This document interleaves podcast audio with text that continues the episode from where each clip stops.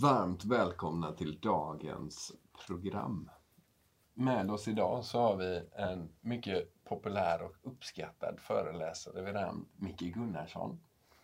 Och idag så kommer ni få se en sida av Micke som han inte har visat i något annat forum direkt. Mm. Så varmt välkommen och ett nöje att ha dig här. Tack så mycket. Och förutom Micke så har vi även en av grundarna till Carey, Andreas Haglund. The man, the legend. Mm. Varmt välkommen mannen. Tack, tack. Så under dagens program så hoppas vi att bjuda på både lite hopp om att det finns en möjlighet till ett tillfredsställande liv utan alkohol. Lite djup och förhoppningsvis en dos hjärta också. Så nu kör vi.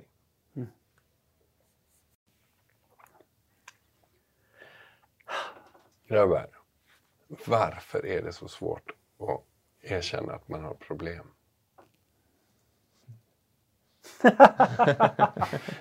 Ge- Generellt tänker du eller? Ja, generellt. Tala för dig själv.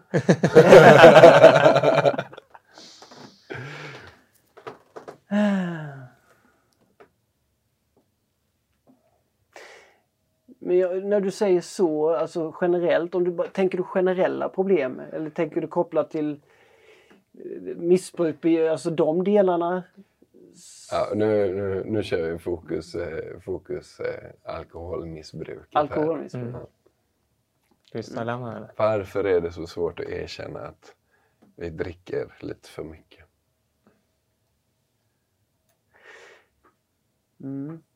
Eh, om, jag, om, jag skulle ta, om jag skulle ta lite från min del, varför är det så svårt att erkänna att man dricker för mycket? Var det frågan där? Mm.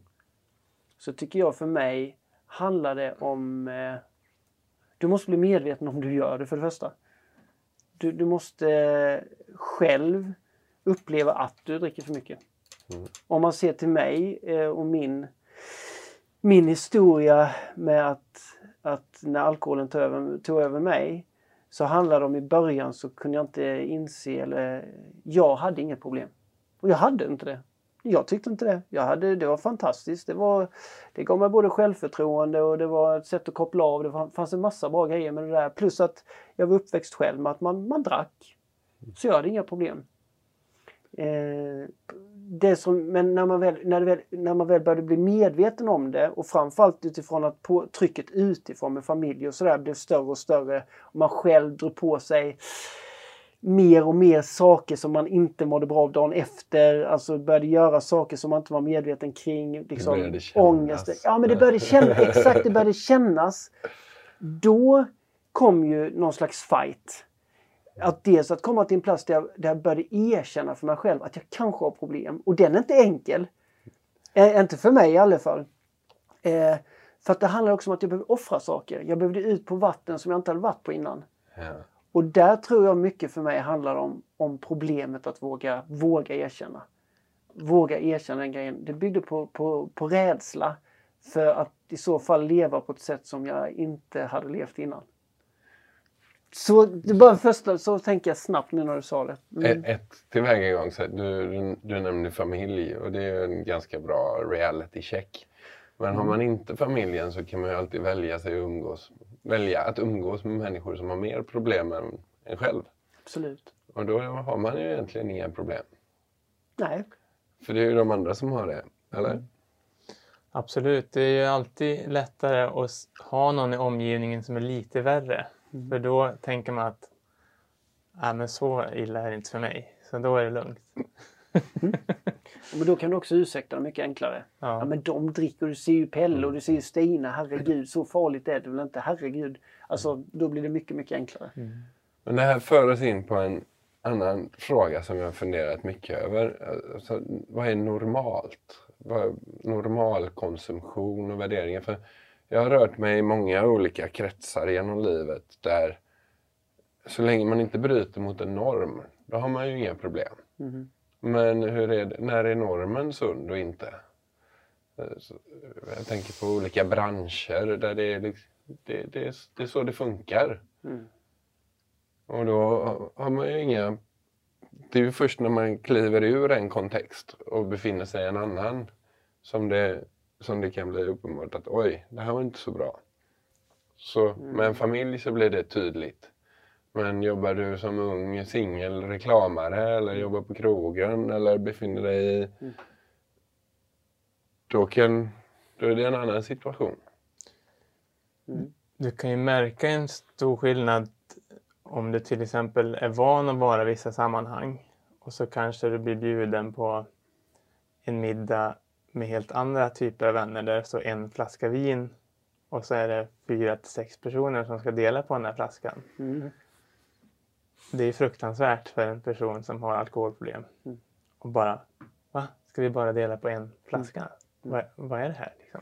Men för dem är det ju normalt. Men där upplevde jag en stor skillnad i mitt liv. att Skillnaden mellan olika sammanhang. Att, Men jag upplevde mer som att det var dem det var fel på. Ja, jag tyckte inte ens det var kul att gå på de festerna. Jag tyckte de var gans, ganska meningslösa.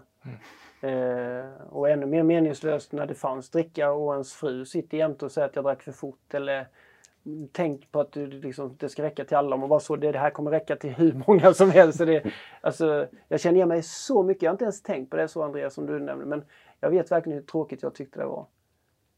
Sen umgicks jag nog aldrig med någon som inte drack överhuvudtaget. Men jag kan ju också förstå att vissa vissa personer som har funnits med mig tidigare i mitt liv, när jag gick över och blev nykter, så kan jag också förstå att jag blev ganska tråkig för andra. Mm.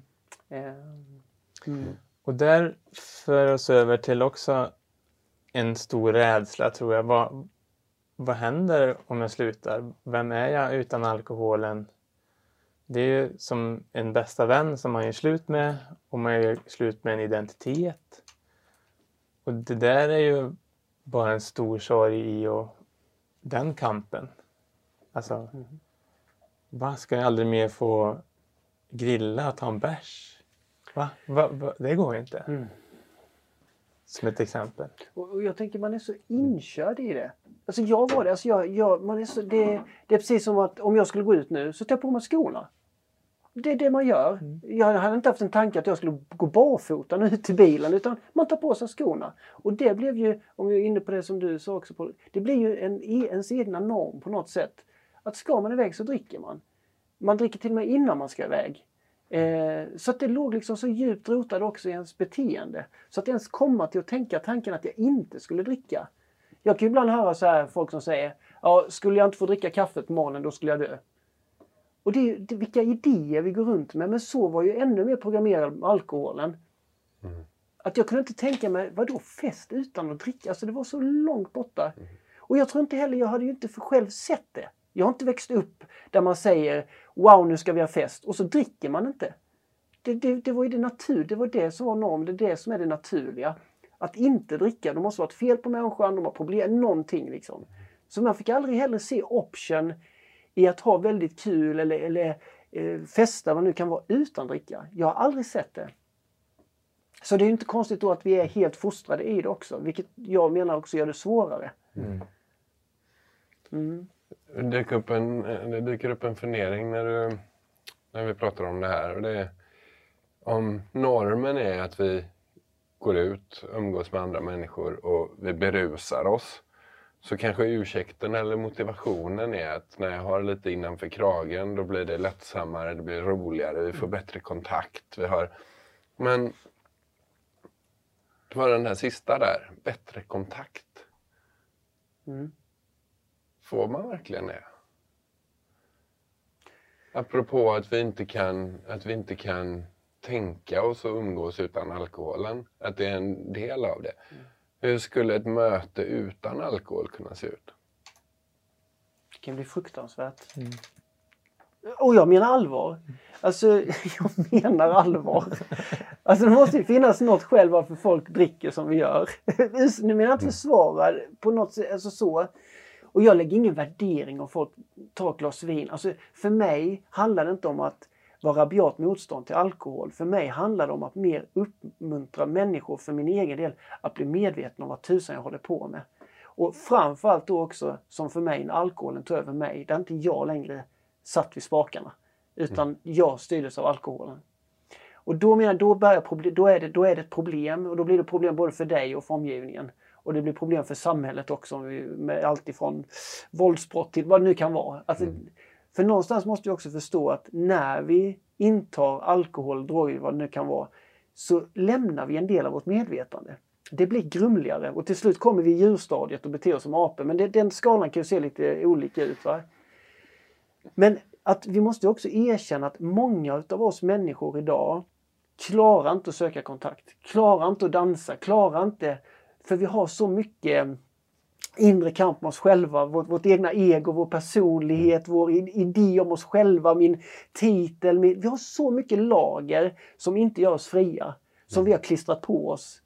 Eh, och då tror jag att för många måste det till något sätt att, att grumla medvetandet om sig själv mm. för att våga ta den här kontakten. Så för många tror jag skulle säga tack att det finns lite alkohol mm. så att jag vågar. Alltså sådär. Sen är ju det sorgligt i sig. Men, men um, jag, hör, jag hörde dig säga grumla medvetandet där, men egentligen så undrar jag om det inte är det andra lilla ordet du sa, rädslorna. Det är det jo, som jo. är den, den centrala biten. Absolut, det är det som Att ligger vi vågar inte vara. Och, och, och, alkoholen blir ett sätt att döva den känslan av mm. rädsla. Ja. Så om ett nyktert sätt att umgås då skulle vara att våga stå i det mötet. Då krävs ju att man är i en kontext där det är accepterat, eller normen, att man får ha rädslor. Mm. Om, det, om det är min lilla hemlighet som jag går och bär på, att jag blir rädd med andra människor. Mm. Och, och jag klarar inte av att bära den när jag är med andra. Mm. För att det finns en norm, det finns en fast, eh, eh, ja, som man ska upprätthålla. Hur man ska vara. Men kan man istället skapa en miljö där eh, det är okej okay att vara rädd för att ta möte. Alltså, jag har varit på party några gånger där, där människor har på ett väldigt fint sätt lyckats ta udden av den här eh, isbrytandet och nervositeten när någon sätter ord på det i början. Mm att nu befinner vi oss här på alla samma ställe och det är alltid lite svårt att, att knyta nya kontakter. Men jag uppmanar er till att lägga rädslorna åt sidan och gå fram och prata med en, en okänd människa. Ja. När, någon, när någon har gjort det, när någon har satt ja. ord på det, ja. då finns inte riktigt det där problemet längre. Nej, kan, fast både och. Det kan ju vara en fest. Alltså. Nu ska vi mingla runt lite och lära känna någon. Vi gör något bingo med nio rutor. Så här. Visst, vi kan konstruera. Vi kan, vi kan konstruera men, men eh,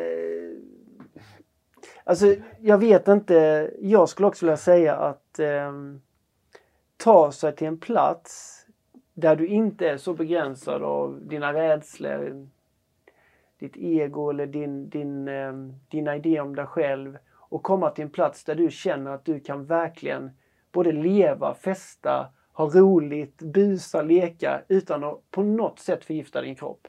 Du måste göra, du måste go in and do the fucking work. Mm. Jag är ledsen. Alltså, du kan ha hur mycket normer, kontext och affischer och bilbingo eller vad du nu kallar det. Men du måste in i det. Du måste göra den resan. Och den, den till början är inte den enkel. Det, det är mycket jobbigare att göra den resan än att stanna kvar. Till en början. Men du måste på något sätt, antingen måste du på något sätt ha en tro vilket jag tror inte, jag tror nästan en utopi det jag säger nu. Men det skulle kunna, det skulle varit häftigt om det kunde vara så att jag börjar tro att det finns något ännu mer värdefullare. Så jag, jag lägger det här åt sidan. Mm. Men jag tror den risken är väldigt liten.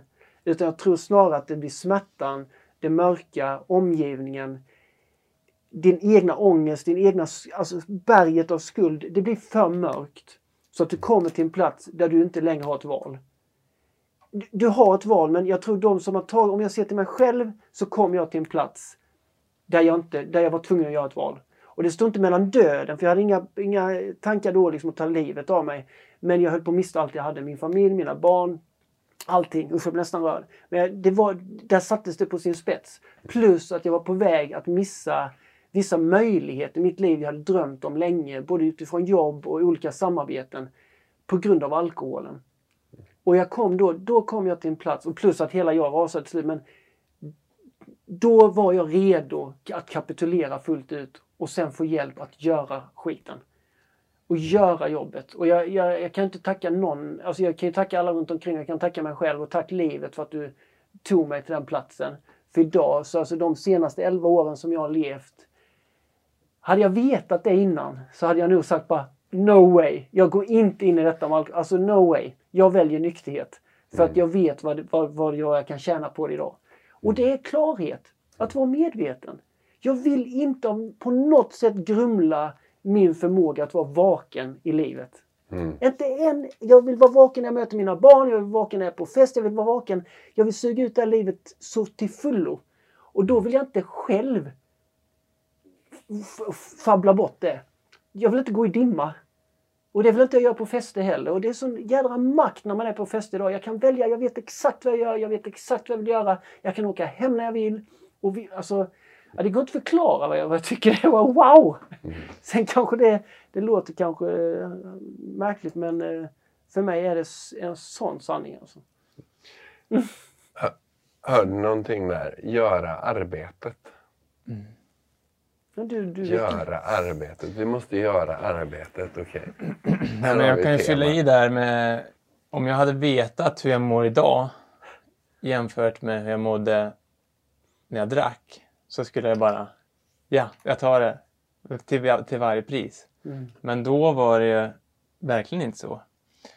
Och då är ju frågan så här, hur kom jag dit? Och, och om man tittar på en historia när man väl började dricka så upplevde jag att när jag drack så var det en lösning på ett problem som jag hade. Alltså det var mm. som en medicin. Jag hade ju underliggande problem med mig själv som jag inte var medveten om. Mm. Och när jag då väl drack så var det som att åh, skönt, nu har jag hittat hem. Befrielse. Åh, äntligen, det är det här, det är det här livet går ut på ju. Mm. Och då säga till någon att nej, du får inte göra det där hallå, mm. lägg av liksom. Var det så för dig också? Ja, jag måste bara flika in en sak när du mm. sa det här. Jag blev, du också berörde mig när du säger så här att hade jag vetat då vad jag får. Men jag, nu vet jag inte, jag vet inte riktigt din historia Andreas, men om jag skulle träffat dina närmsta anhöriga, barn, eh, tidigare partners eller partners nu. Hade inte de också sagt detsamma? Är inte de också så sjukt glada att du har tagit det steget du har gjort? Jo, verkligen. För, för, min, för min familj, de närmsta, alltså Jenny och vi har varit tillsammans snart 30 år. Hon säger det, det alltså, hon, kan inte, hon kan inte ens sätta ord på det, den lyckan hon känner från den dagen jag valde nykterheten. Hon, kan, hon, hon blir berörd varje gång. Hon är så både stolt över mig men också vilket liv vi har fått. Eh, dels visste vi att det inte hade kunnat fortsätta men, men det spelar ingen roll. Utan wow! Hennes, hennes sätt att kunna slappna av, hennes sätt att inte behöva liksom vara orolig för mig utan wow! Så jag vill, jag vill, bara, jag vill bara ta med, jag vill ändå bara säga det. Att när vi själva gör det här jädra jobbet så ska vi veta att vi gör det inte bara för vår skull utan vi får en sån djävulsk hejaklack runt omkring oss. Och de som inte hejar, skit i dem för då har de också egna issues skulle jag vilja säga. Men de sanna, de som verkligen älskar dig, wow vad de kommer stå där. För jag tror ibland tror man inte det. Nej. I och med att vi går utanför normen så kan man känna att fan nu tar jag mig till ensamheten. Folk kommer tycka jag är konstig, folk tror att jag är sjuk, jag är alkoholist eller vad det nu kan vara. Men bara så att jag vill verkligen förmedla det att det finns så många runt omkring dig som vill vara med och bära dig när du väl har tagit beslutet. Det var inte det svar på din fråga men jag var tvungen att säga ja, det. Men jag kan fortsätta där för det är ju det är fantastiskt att ha människor i sin omgivning som står med en, tror på en och liksom följer ens resa. Mm. För jag upplevde att när jag drack och det började kanske gå bra med något eller jag började kanske lappa ihop förhållandet eh, efter man har ställt till med något. Mm. Oj, nu känns det jättebra. Då måste jag rasera det. Mm. För jag var inte värd okay. att få må bra. Och det också tror jag om man ska förmedla till andra människor som har de här problemen att jag är nog inte värd att må bra. Utan jag trivs här i, i mörkret. Mm. Mm. Så och, och, bara förstå det är ju också mm.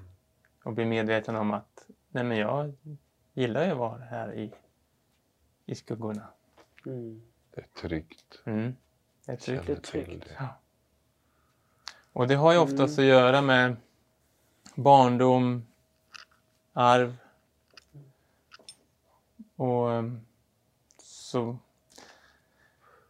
Men en eloge till alla där ute som lever med människor som har alkoholproblem att det är fruktansvärt alltså. Mm. Ja, fast och det, det, det kan vi säga nu. Mm. Det kunde inte jag då. Nej. Jag såg inte det. Jag gick i försvar och jag försvarade mig in till det sista. Att jag inte hade problem. Jag till och med tror jag försökte till och med försöka få andra och min fru att det var de som hade, hade problem om jag ska vara riktigt ärlig. Får vi klippa väck det sen. Men, men verkligen eh, men, men det, jag, jag tror vi har, och det, det tycker jag också är rätt fint André. Vi har olika resor in i det här. En, det, blir så fint när du säger de här grejerna för att det blir så tydligt för mig att det finns inte en, en, en anledning, en sätt att vara, en sätt att ha problem. Du beskrev det här att du kunde koppla av, släppa taget. Eh, det här att, att eh, det här mörkret. Jag, jag kan nog inte riktigt, jag känner inte igen mig lika mycket i det Mm. faktiskt. Och det tycker jag också är rätt fint att vi kan, man kan ha olika ingångar i det. Ehm, och det, det som är klurigt för mig också att jag, jag har svårt nästan att sätta ett ord så här jättetydligt varför jag drack. Utan jag drack och drack och jag, för, för, i början var det att det var kul. Jag blev jättekul tyckte jag. Eh, och det tyckte nog många andra också. Jag var verkligen en partyprisse alltså. Jäklar vet du vad jag, vad jag hittade på och drog upp tempot på fester och sådär.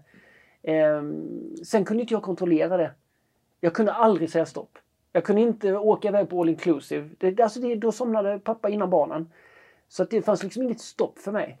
Eh, och sen märkte jag också de, de, de vad ska jag säga, sista åren att eh, det började också eh, vad ska jag säga, gås överstyr så jag började göra handlingar som jag hade jättesvårt att liksom hantera eller leva med dagen efter. Alltså saker som absolut inte var bra. Alltså då menar jag riskera mina barns liv eller alltså inte bra grejer. Ehm, och jag, jag kom också till ett läge där jag i mitt jobb kom till en plats där jag trodde inte jag skulle komma. För jag, jag drack inte hela tiden. Jag var, man kan säga helg, fredag, lördag, söndag och sen ja, helger och sådär. Eller lov och semestrar. Men det började smyga in sig även på vardagen. I och med att jag reste mycket som föreläsare och sådär så började det hända även på vardagen. Och där hade jag någon slags inre gräns att där ska man inte vara. Då blir man ju alkis, då har man ju problem. Så det ska man inte. Men jag började även där. Mm. Jag liksom även, även på hotellet, även på när jag satt på möten kunde jag liksom när alla skulle gå så kunde jag säga "Ah, jag tar bara en öl till. Ingen annan. Men jag, jag tog, ah, så här va. Till och med bara upp till rummet. Så att där började också någon slags medvetenhet om att ja, detta är inte bra. Eh, så, men, men som sagt jag tror inte jag kunde känna alltid att jag gjorde det för att koppla av. Det gjorde jag nog egentligen, att jag försöker reducera. Men för mig blev det bara, ja, Men det, för, för många så är nog kurvan så att man, det, börjar som ett sätt att ha lite roligt och göra någonting. Men så småningom så kanske smärtan, eller ja, precis den process du, du blev och så slu, till slut så landar vi i att det är ett sätt att undkomma lidande. Mm. Från, och när det skiftet sker, där har vi nyckeln. Men jag skulle vilja säga att jag drack inte bara för att slappna av utan jag drack när jag var glad, jag drack när jag var eh, ledsen, jag drack när jag var arg, jag, jag drack på allt. det fanns alltid en anledning. Ja, och Ja. eh, det reglerade tillstånden och jag tyckte det var fantastiskt för att jag ville fly från mig själv. Jag orkade inte vara i min eget huvud, jag orkade inte vara, det var obehagligt att vara i kroppen. Det var så här efterhand hemskt. Men det var en lösning då. Tyvärr. Men det finns ju andra lösningar. Ja, men jag ville haka på. Du sa en, en mening som var att, att alkoholen på något sätt hjälpte mig att komma undan mitt lidande. Något sånt sa du. Mm. Och den klingade bra i mig. För att jag tror att det fanns en tråd av lidande i mig. Som, som tog sig uttryck på olika sätt. Alkoholen kunde vara en, men jag tror den tog sig uttryck på andra sätt också i form av jakt på bekräftelse, jakten att bli älskad till varje pris, att vara ganska gränslös generellt. Men jag tror att alkoholen var verkligen också ett sätt att där kände jag inte det. Där blev jag av med lidandet en stund. Där var det frid och fröjd och det fanns alltid en anledning som du sa också att, att kunna, kunna ta det där, dricka. Mm. Men du sa jakten på. Vad var lidandet då? Alltså, vad... Men det tror jag också ser helt olika ut från individ till individ. Men jag tycker lite som vi också pratade inom att, att jag behövde titta tillbaka. För mig så, jag vet inte hur, hur jag ska beskriva det bäst, men för mig insåg jag att det var inte en vuxen Micke som drev skutan i mitt liv. Det var en liten grabb på 7-8 år som kämpade i en slags vuxen kropp med en familj. Att slå sig fram. Att eh, ta plats, bli bekräftad, bli älskad, att få känna att man är värd något, få känna att man... Ett rop på kärlek, ett rop på hjälp. Mm. Du, Och, du om... och det är inte schysst att låta en sjuåring göra det. Nej. Utan jag behövde hitta sätt att säga till min sjuåring att lillgrabben, jag älskar dig, jag förstår det du håller på med. Men nu kommer jag att ta över nu. Och du kommer nog alltid finnas med mig och jag kommer finnas där. Men du, jag kan inte ge dig, ta det. Du, kan, du ska inte behöva ha det ansvaret längre. Och jag vet inte om ni förstår, jag vet inte om det resonerar mer, men för mig är det, det var verkligen en sån skifte för mig. När jag insåg den här lilla killen, hur den kämpade. Och att jag behövde frigöra honom. Och jag förstår att den grabben drack, helt jag får säga, för att klara av det där projektet. Så jag behövde liksom på något sätt växa upp och växa, ja men växa upp på ett annat sätt. Och det handlar också om att bygga en trygghet och börja bygga en större kontakt med livet, en större kontakt med ja, ett växande. Så jag satt fast, så skulle jag nog kunna säga. Så det var ett hårt arbete, ett riktigt hårt arbete. Så mycket tårar, så mycket ilska, så mycket ah, shit jag behövde få hjälp med att jobba, jobba med. Ehm, så, mm. Vi kör ju med ett uttryck här på Carry som heter Feel it to heal it, name it to tame it. Mm. Och det är ju... Men de flesta människor som jag träffar som har ett alkoholmissbruk är det det värsta de kan tänka sig. Att börja känna. Mm. Det är värre än att dö nästan. Och hur eh, löser man det då? Men jag tror vi, då måste jag... Det jag i alla fall upplevde, det var att jag kom, jag fick hjälp att få känna, lära mig att känna. Att få i successivt på något sätt förstå att det var okej. Eh, där jag inte för, för en gångs skull behövde känna mig skam kring att känna. Där jag inte behövde ha saker som tog väck liksom, jag, hade ju, jag hade ju haft innan liksom panikångestattack och åkt iväg med ambulansen flera gånger i samband med alkoholen där det slog runt för mig totalt. Men alltid hade jag hört ända sedan jag var ung att det var fel på mig. Alltså man band fast mig på bår, man gjorde massa grejer och trodde jag var helt galen liksom. Eh, vilket gjorde att jag skämdes för att känna.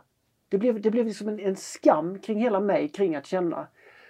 Så att när jag väl fick hjälp av, av proffs liksom då hjälpte de mig att börja känna och när jag kunde vara i ett trygg space där jag inte längre behövde skämmas utan tvärtom, de premierade det. Det var liksom bra, alltså de hjälpte mig. Och jag och tyckte det var vackert. Alltså det förlöste mig, alltså det, då, då förstod jag vad mycket jag hade gått och burit på. Det var ju som en flod alltså, både av tårar, ledsamhet och känslor men också ilska. Så att jag behövde, jag behövde hjälp att öppna upp det. Men jag har all respekt för de människorna som tycker det är äckligt, jobbigt, gör ont. Att man väljer att inte gå in i känsla. Och där tror jag att vi kan inte bara... Vi måste gå varsamt fram.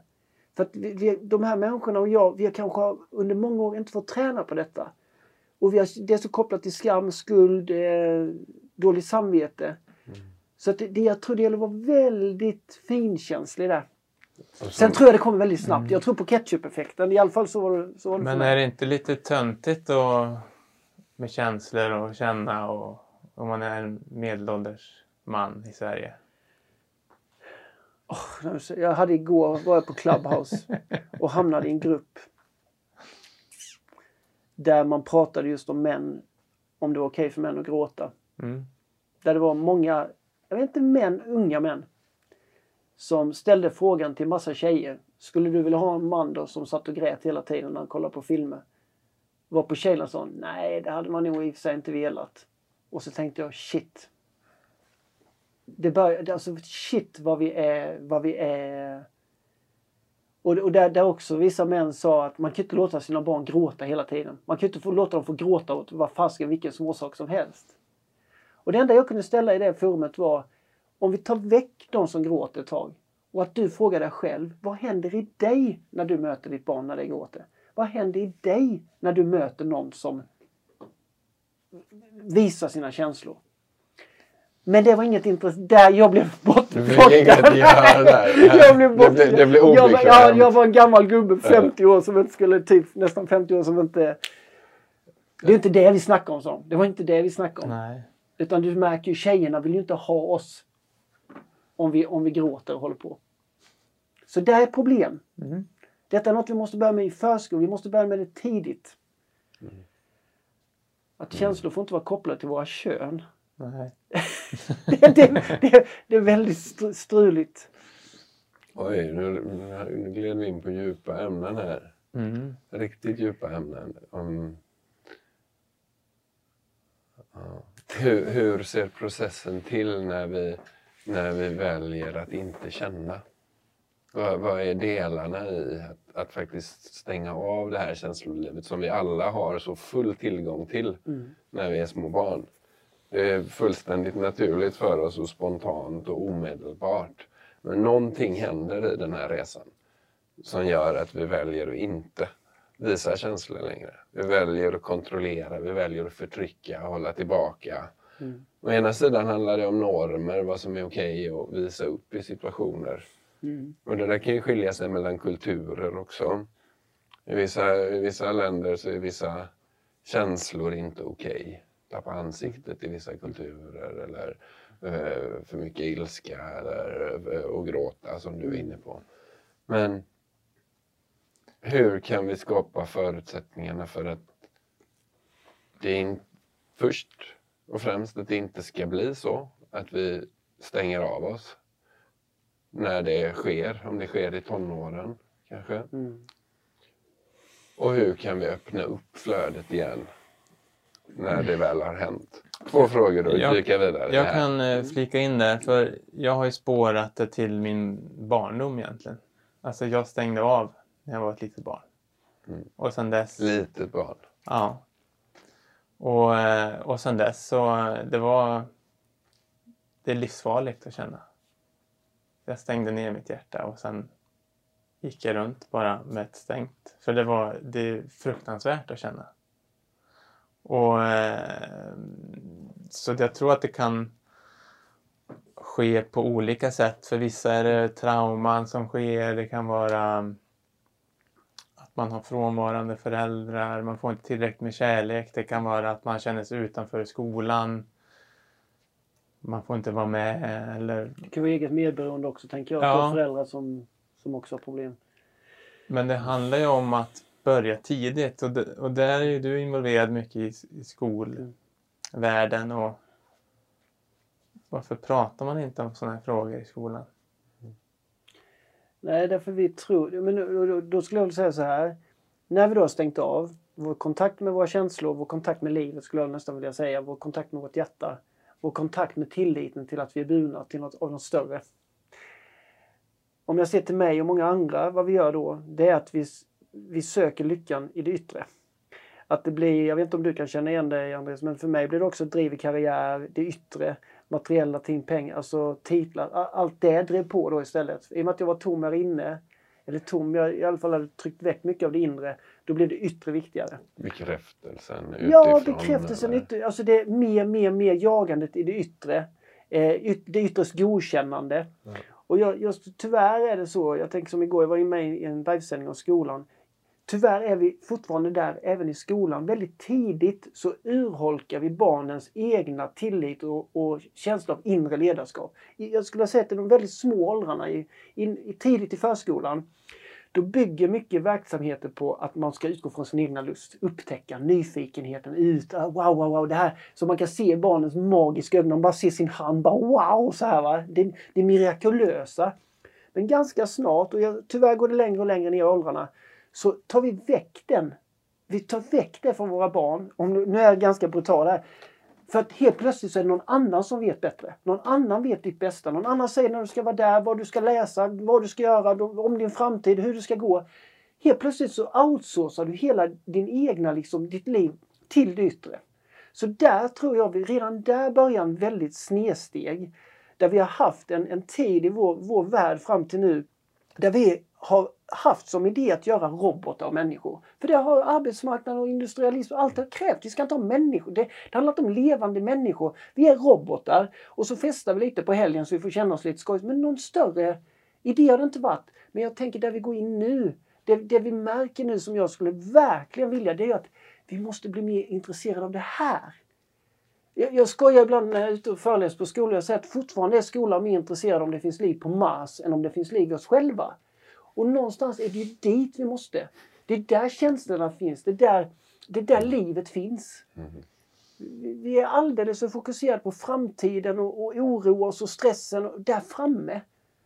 Och det, jag, jag, säger det alltid till ungdomarna ute och föreläser för de är också mycket oroliga för hur det ska gå i framtiden. Det, jag brukar alltid säga det första jag gör när jag träffar dem. Ni har ingen framtid. Så tycker jag då har man i alla fall tagit väck den liksom, idén.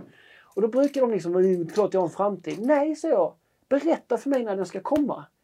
Och vi skrattar allihopa för den kommer aldrig. Jag har väntat snart 50 år, den har inte kommit ännu. Utan att vårda detta nuet och börja känna. Det är, det, det, det är detta vi behöver ta ansvar för. Det där tycker jag är så ah. fint för att eh, jag satte ju upp vissa mål. Så här, om jag får så här mycket pengar då kommer jag bli lycklig. Om jag har råd att köpa det här huset då kommer jag bli lycklig. Ja. När jag väl får den här tjejen då kommer jag bli lycklig. Och så bockar jag av allt det där och så bara... Ja, jag är lurad. Jag är lurad. Vilken blåsning. Ja, vilken blåsning hela livet. Ja. Och så bara... Jaha. Så jag har hittat på det här själv då. Fast det, det begav ingen lycka. Mm. Jag tror också du formar efter ett samhälle som säger att det är det du ska tro. Mm. Det är det alltid, jag menar det är det, det, är det vi programmeras till. Mm. Ehm, så att så att någon, alltså det här är jättesvårt tror jag. Det här kommer förändras men det kommer inte förändras av att någon har en idé eller att någon skriker tillräckligt högt. Utan det som behöver hända är tilliten också till människans medvetandeutveckling. Och det kommer att ske. Jag, jag tycker när jag jobbar med mycket ungdomar, de frågorna jag får av dem när de får ställa anonyma frågor till mig handlar inte så mycket om det yttre. Utan det börjar handla om det inre. Mm. Om döden, om brustna hjärtan, om, om relationer. Och jag blir så jäkla glad alltså. Mm. Men många säger till mig också, sådana här frågor pratar vi aldrig om. Inte varken hemma eller i skolan. För där är vi fortfarande liksom det här linjära, skaffa ett jobb, bli något. Hela den här mm. lögnen skulle jag vilja säga idag. Mm.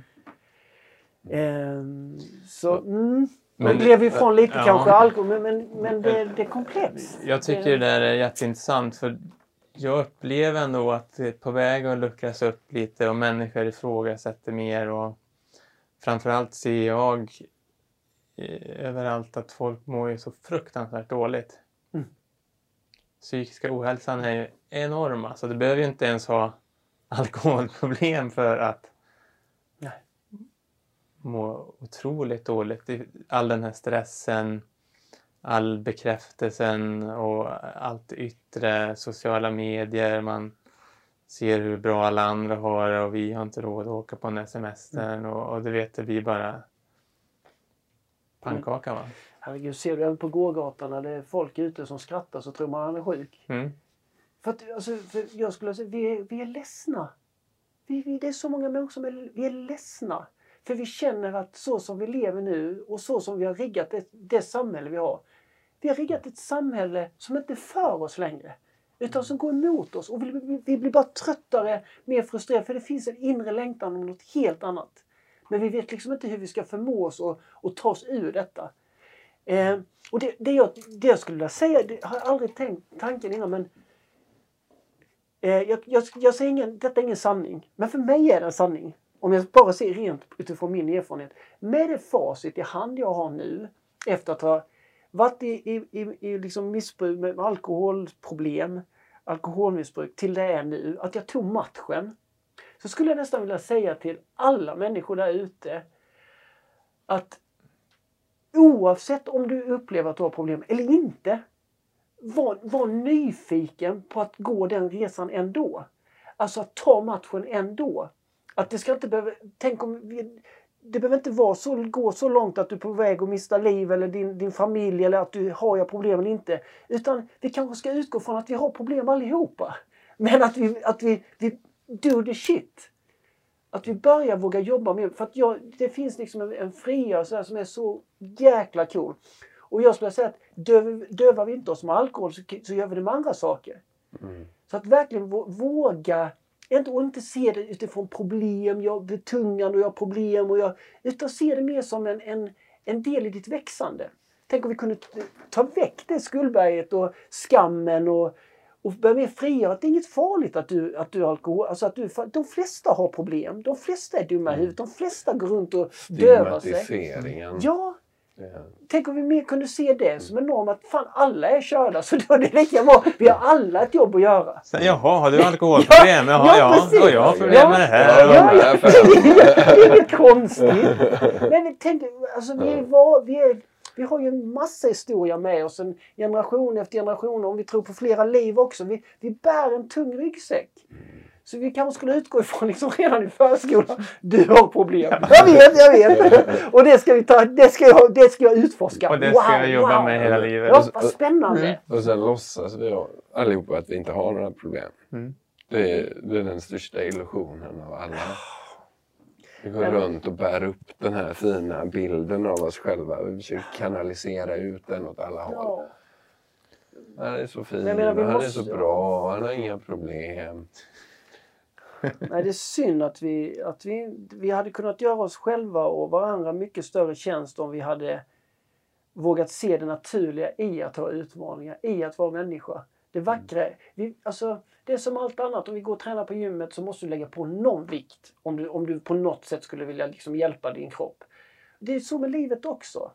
Att vi, vi, motstånd får oss också att växa. Så att tänk, tänk om vi istället skulle kunna börja prata utifrån det. Att, att vi, vill, vi ska växa, vi ska bli mer medvetna som art. Det är det det går ut på. Inte, inte, så, inte så mycket, handlar inte så mycket om dig som person utan det, det är mycket större, ett större spel som, som vi har att göra med. Men att avlasta oss från det här krängiga. Jag har så många vänner som jag tänker och, och som jag växt upp med som, ah, men som väljer tystnad. Som biter ihop. Ah,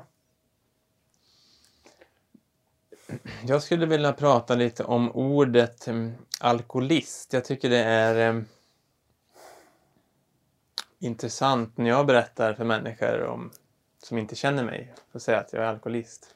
Så blir det alltid så här, "Oh, oj, det var något konstigt. För ordet är så laddat. mm, Och tyvärr så har man den här bilden kvar av att nej, alkoholist är någon som liksom är på parkbänken och då kan man inte liksom ha ett fungerande liv och, och framförallt handlar det om att nej men eh, jag kan vara nykter i två veckor så jag är inte alkoholist. mm, Eller jag kan till och med ta en vit månad tror jag. Så att det är det, jag har inga problem. mm. Och då kan man inte vara alkoholist. Nej. Så det är också ett intressant eh, område att diskutera, tycker jag. Ja. Jag personligen eh, det ringer alltid ett varningsklocka i mitt huvud när jag hör saker, titlar av ganska stark karaktär. Allt som slutar med ist och ism är jag väldigt eh, försiktig med. Mm. Eh, nej, jag, jag, jag, för att titlar kan också göra att vi börjar identifiera oss med dem på olika sätt. Eller att det blir ett problem. Jag vet att inom vissa alltså, organisationer så, så är det viktigt det här eh, på något sätt acceptansen för alkoholism. Men jag har ingen nytta av det. Jag, jag, jag har ingen nytta av att identifiera mig som alkoholist eller tidigare. Alltså jag vet inte vad jag ska ha med det till. Ärligt talat. Nu när du säger det. Man kanske, man kanske kan ställa det emot å ena sidan sätta på sig en titel och en roll, alkoholist. Å andra sidan att acceptera att jag har ett problem. Jag, alltså jag vet, Det är jag två men, olika jag, approacher till samma fråga. och jag ska vara ödmjuk. Det kan, det kan hjälpa vissa och då är det fint. Men jag menar att det kan också försvåra. Det, när jag jobbar med ungdomar till exempel som har diagnoser av olika slag. Och de trycker upp t-shirtar, jag har ADHD och halsband. Problemet är att de börjar identifiera sig med problemet. Och för mig handlar det om att det, jag skulle vilja vara så fri egentligen från de begreppen. Jag är människa. Och utmana oss på olika sätt. Ja, men det, eh, ADHD, då är problemet uppmärksamhetskontroll. Och, men titeln är ju, eller diagnosen blir det ju då. Mm. Ja, att man börjar, att man, Alkoholist, eh, jag har ADHD, är samma som att säga jag är alkoholist. Men problemet kanske är att jag kan inte låta bli att dricka eller jag har svårt att hålla fokus på en fråga. Det är ju två olika saker egentligen. Eller? ja, jag vet. Alltså, jag, jag, jag bara när, när jag hör... Och jag, jag, jag, jag tänker så här, okej Micke, ligger det någon skam kvar i dig för att du inte skulle kunna uttrycka att du är alkoholist? Men jag vet inte vad jag ska med det till. Mm. Det, det är precis som någon skulle säga så här, jag är föreläsare. Nej, jag är inte föreläsare. Vad är det för... Eller jag är... Jag är allergist mot eh, gräs. Alltså jag vet inte vad... Men det, det, däremot kanske det måste komma ett erkännande. Och det är kanske där man kan ha nytta av det begreppet att jag erkänner. Om jag då vet vad alkoholist är, aha det är så, ja men det stämmer. Ja, men då, då kanske det kan hjälpa mig att bli medveten om de problem jag har. Men jag vet inte riktigt vad jag ska bära med det. Jag, jag vet ju att många som liksom säger jag är nykter alkoholist och, och där. Men för mig, vet, för mig har det inte hittills i alla fall landat in så att jag vet vad, jag, vad det skulle kunna bidra med för mig. Mm. Eh, jag måste nog säga så faktiskt. Ja, nej men eh, jag tycker det är en intressant vinkel. För min del handlar det om att jag inte ska glömma bort det bara. Vad är det du inte ska glömma bort? Att jag inte kan dricka. Mm. Det vill säga att man Mm. tenderar att glömma bort saker som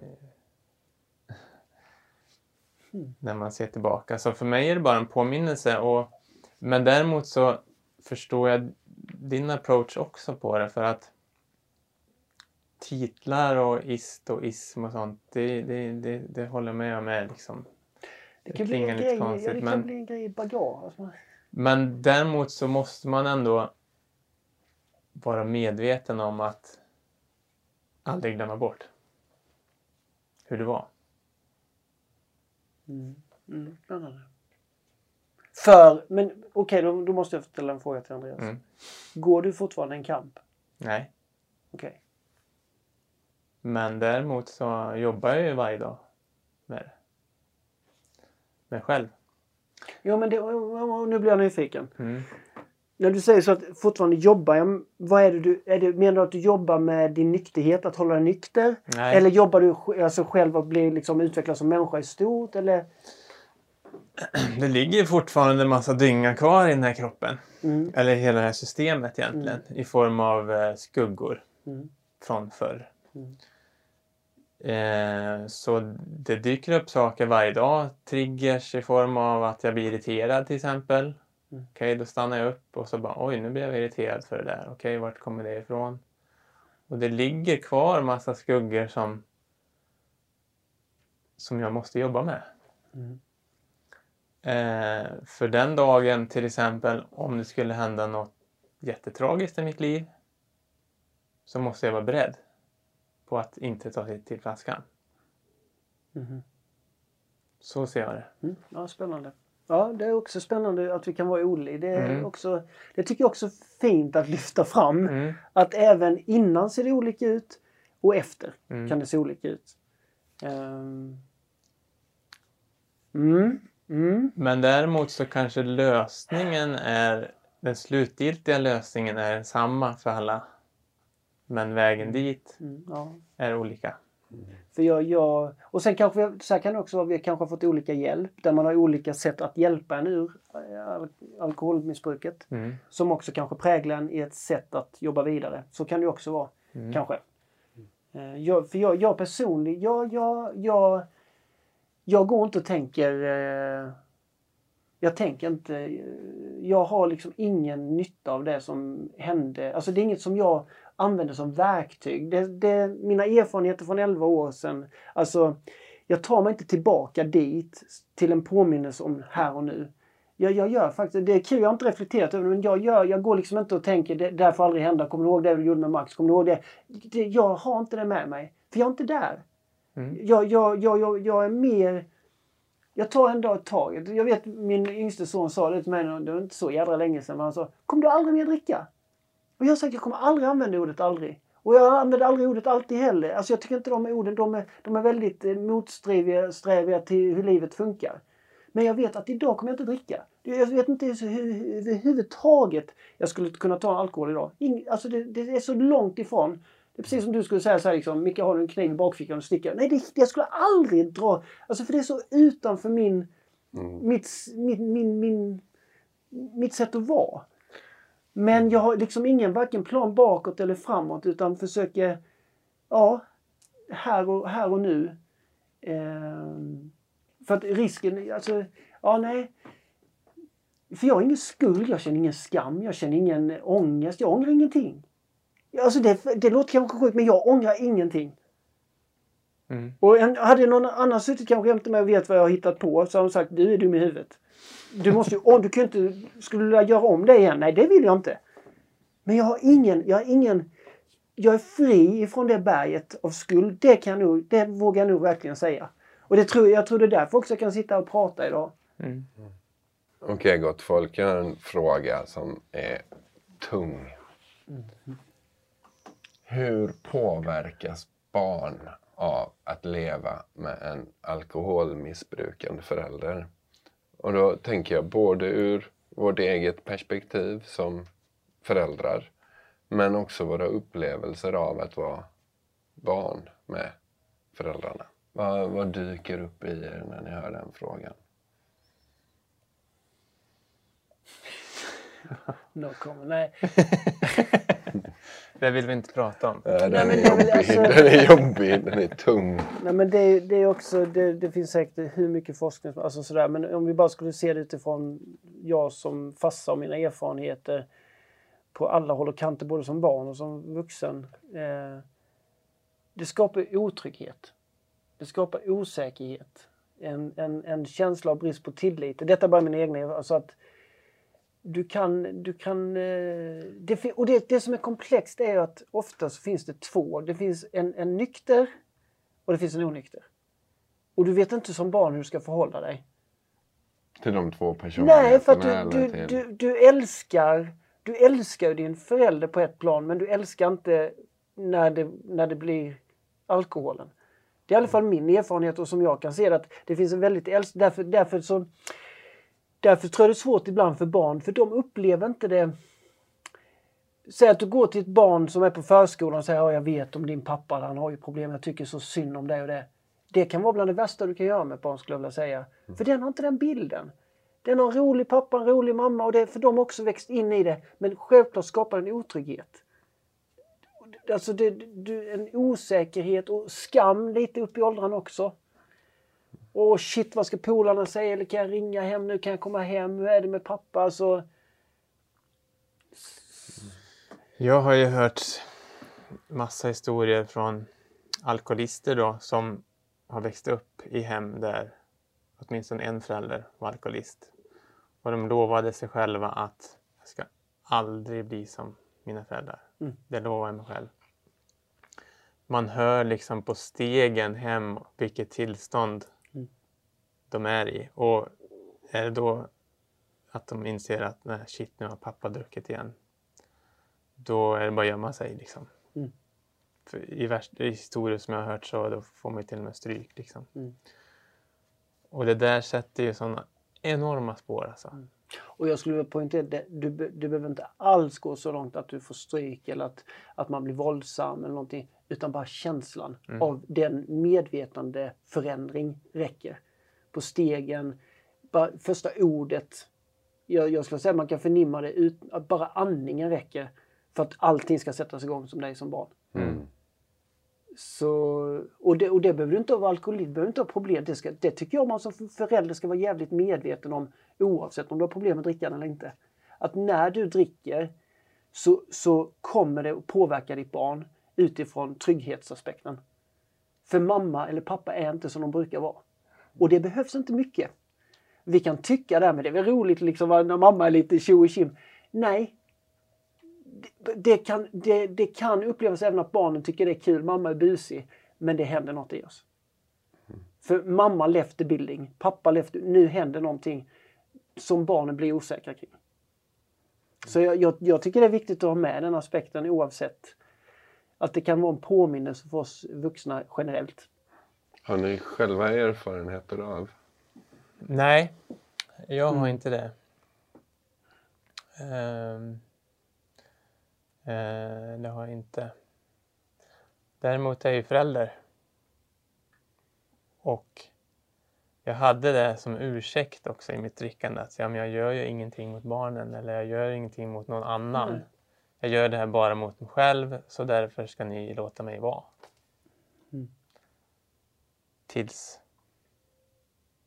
det hände en grej och, och då bröt det liksom hela min världsbild. Liksom, att jag gjorde ju någonting nu som var, hade kunnat gått illa för Mm. folk i min närhet. Och, då, och det där ruskade om mig lite grann faktiskt. Eh, Föll... Föll föll- korthuset. då. Ja.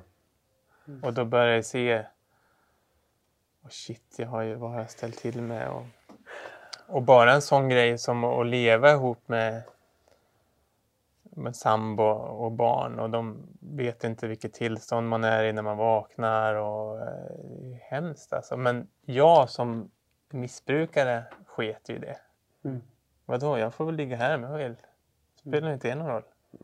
Nej, man kunde ju alltid be om ursäkt och säga att det ska aldrig hända igen. Mhm. Alltså det, det fanns ju alltid en, ett nytt löfte man kunde dra. Och jag tror också man kanske sa det inte bara för att vara kul utan man hade kanske till och med en egen tro att nej, det här, det här var nej det här ska inte hända, det här, här ska jag skärpa mig lite. Mm, Sådär. Och att man trodde på det också. Exakt, exakt.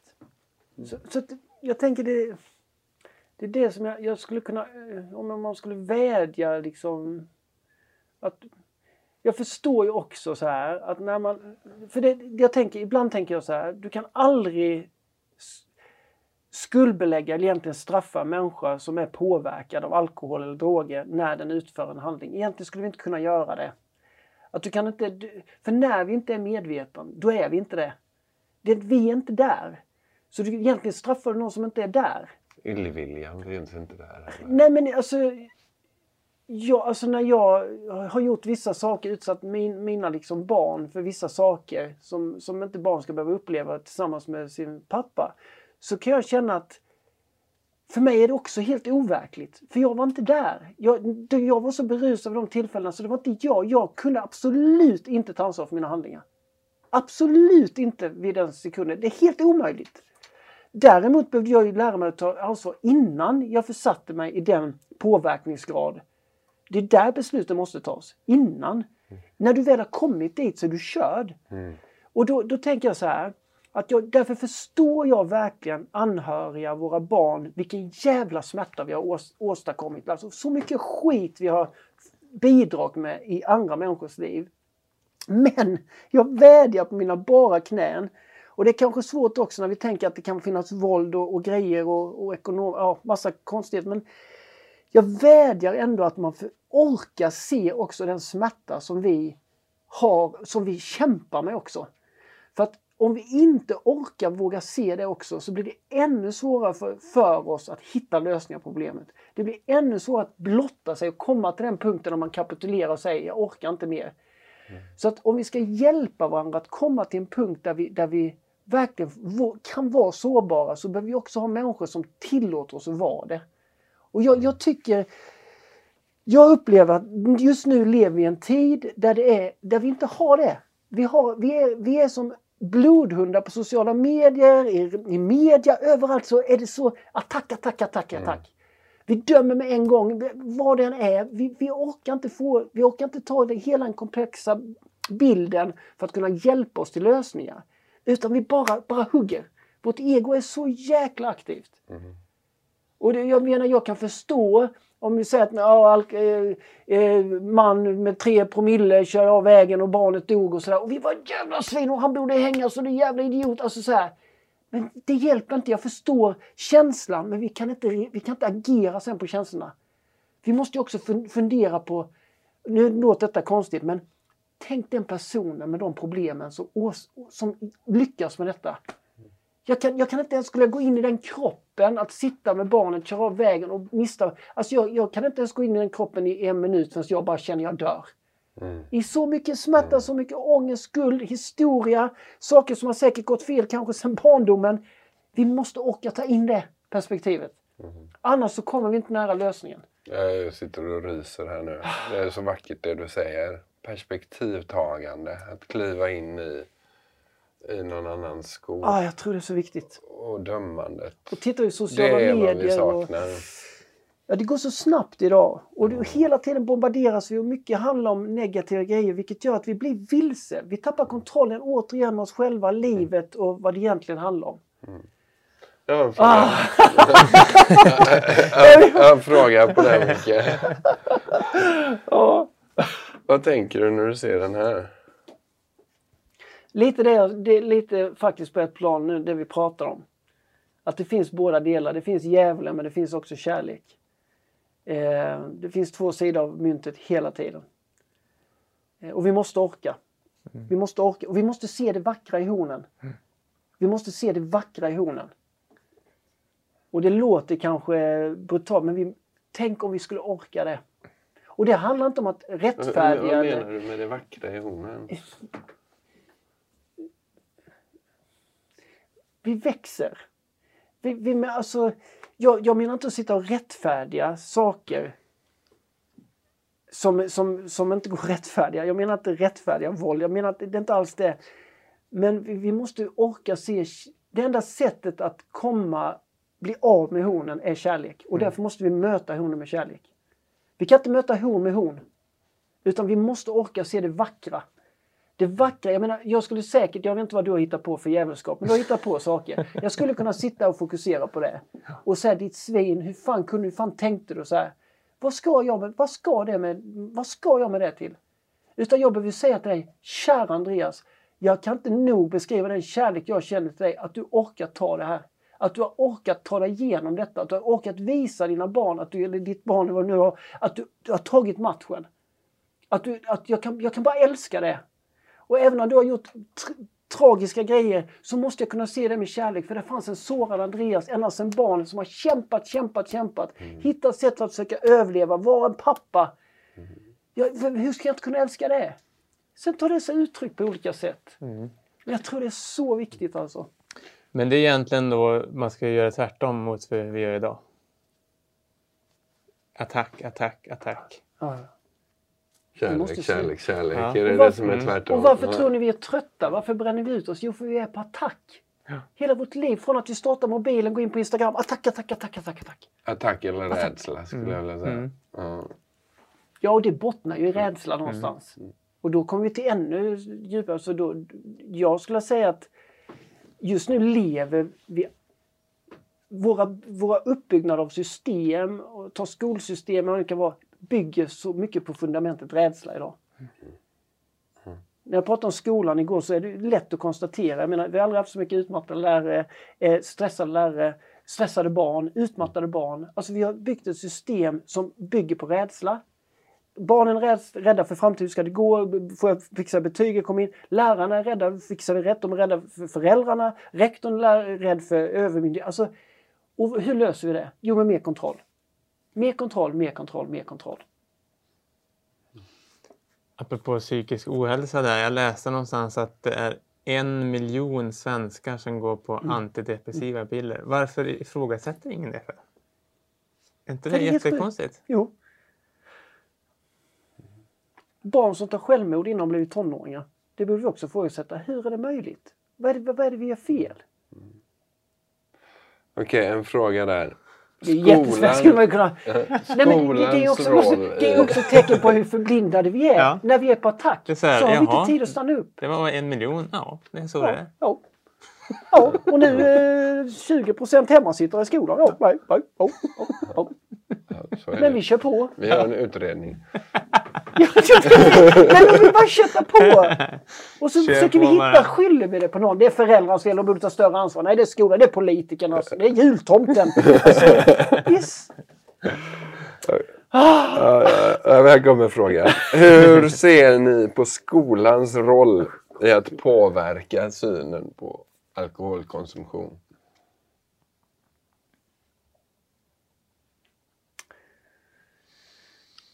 Vilken roll ska skolan spela? Ja, men alltså, jag tänker i och med att skolan är ett fundament där våra barn lägger halva sin vakna tid med förhoppningsvis medvetna och kloka vuxna. Så i och med att så borde det vara en jätteviktig roll. Men då menar jag inte, då handlar det inte om att ta dit en föreläsare som står i en timme och berättar hur jävligt det var och sen så, ja då kan vi checka av den. Utan för mig handlar det om, som vi snackade om innan, komma i kontakt med livet, de stora frågorna. Vi har ju, barnen träffar ju inga förebilder egentligen som nyktra partynissar. Och när de kollar på alk, liksom Big Brother, vad det kan, allt det de är ju mycket, är ju mycket liksom, alkoholen en del i den kulturen. Så att jag tycker att hela skolan har ett ansvar men också att lyfta, vad ska jag säga, titta mer på att föra in mer livskunskap, mer, mer inåt. Det där svaren är. Det, det, arbetet tycker jag skolan har ett ansvar. Ja. Och, och då kommer vi åt även den delen. Istället för att se alkoholism som en isolerad företeelse. Det är som när vi jobbar. Man jobbar jag hade min, min grabb kom hem med kroppen. Man skulle, då skulle han rita ut hår under armarna och bröst och lite mellan benen. Så var kroppen. Alltså, man, man har ingen kontakt med kroppen. Wow! Hur funkar detta? Hur funkar örat? Ja, det är stegbygelhammare. Nej, men lägg av!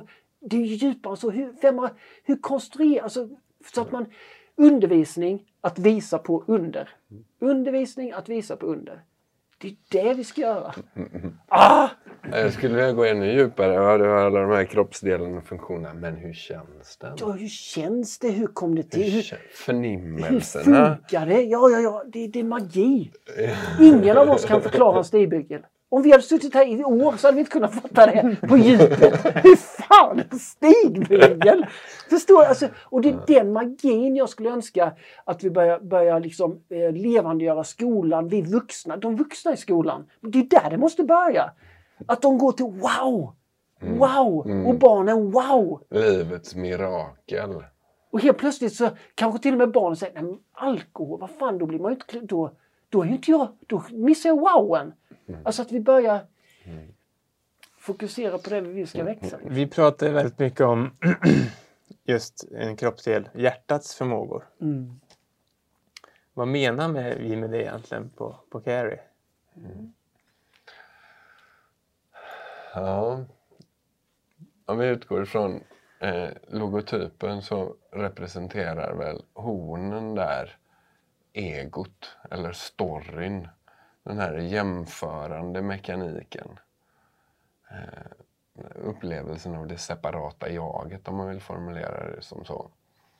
Och hjärt med hjärtats förmågor så menar vi väl de kvaliteter eh, som vi kan relatera till hjärtat. Och den tydligaste av dem som vi har genomgående i appen är ju tacksamheten. Att, mm. att skifta från den här förfördelade, jämförande till att stanna upp och inse att det kunde varit det kunde gått åt pipsvängen så många gånger. Tack för att mm. det inte har gjort det. Tack för det jag har. Mm. Även om det inte är mycket så har jag... Jag har tak över huvudet, jag har kläder på kroppen, jag får äta varm mat. Mm. Eh, Sådana saker som människor i många delar av världen inte kan ta för givet. Så hjärtats förmågor handlar väl om någon form av mjuknande inför oss andra. Inför, jag tycker ett bra sätt att illustrera det är upplevelsen av nej och ja. Nej, då befinner vi oss i motstånd mot livet. Mm. Ja är en sorts öppen, en, en tillgänglighet, en mottaglighet inför det som är. Mm. Och om tacksamhet är en så är kärleksfull vänlighet en annan av de där frågorna. Och det är ett tema som återkommer i alla, nästan alla stadier jag hör om missbrukare. Mm. Det är avsaknaden av omtanke om oss själva. Mm. Mm. Så med hjärtats förmåga så kan vi börja i och liksom verkligen grotta in oss i och återuppleva det här. Jag vill vara lycklig. Mm. Det är min önskan. Att vara lycklig. Stannar vi upp där så, och, och suger och smakar lite på den en stund så inser vi att shit, jag gör så mycket saker som inte är förenliga med min egen lycka. Jag har så många beteenden och, och, och attityder och saker som jag gör som inte leder till en långsiktig lycka för mig. Så kan vi stanna upp där, komma tillbaka och renodla den här önskan. Okej, okay, jag vill vara lycklig. Men jag skulle också många gånger vilja hålla om människor och säga att du är värd lycka. Att du har rätten, precis som alla andra, att få vara lycklig. Jag tror många kan komma till den platsen där man inte längre tror det. Mm. Där man har en sån låg, vad ska jag säga, självskalle... Ja, det har blivit så mörkt så att man har svårt ens att känna att jag skulle vara en av dem som längre kan vara lyckliga.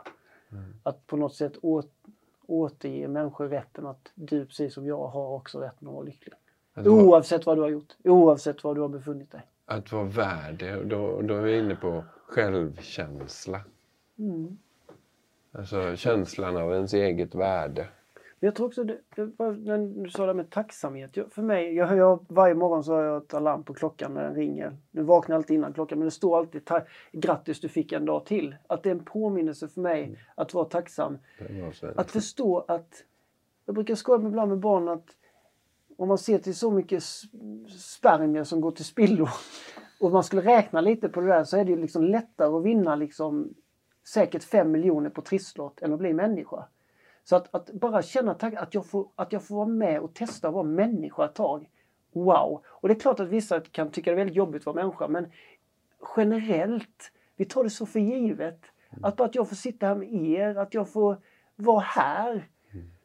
För, för mig är det mirakel nog och jag, jag kan inte känna att vad skulle jag kunna vara annat än tacksam? Men jag tror att vi behöver inte alltid göra så stor grej men, men att också väva in det tidigt i, i människors liv. Att förstå hur, hur omöjligt egentligen att vi överhuvudtaget kan vara här.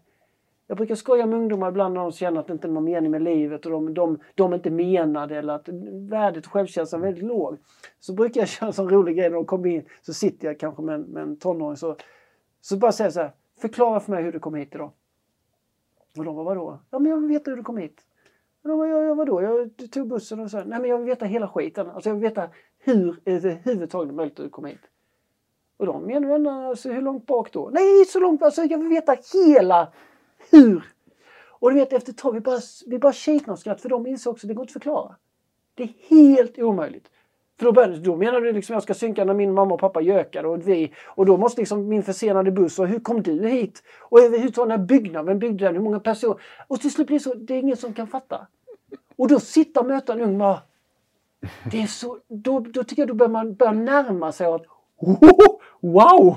Jädrar! Det var liksom inte... Så det, det är också en sån grej utifrån tacksamhet som jag skulle vilja att vi, att vi, att vi inspirerar mer kring. Mm. Så vi inte glömmer det. Det är sånt när barn, eller barn, vuxna också, det är ingen mening, jag borde inte vara här eller mm. man, man, man, gör så, så, så vi missar det. Mm. Den frågan tror jag är central alltså. Att jag är inte värd det här. Jag är inte värd att vara lycklig. Mm. Mm som den kärleksfulla vänligheten handlar om det. Mm. Så är nästa fråga medkänslan. En annan av hjärtats kvaliteter. Vad tänker ni om det?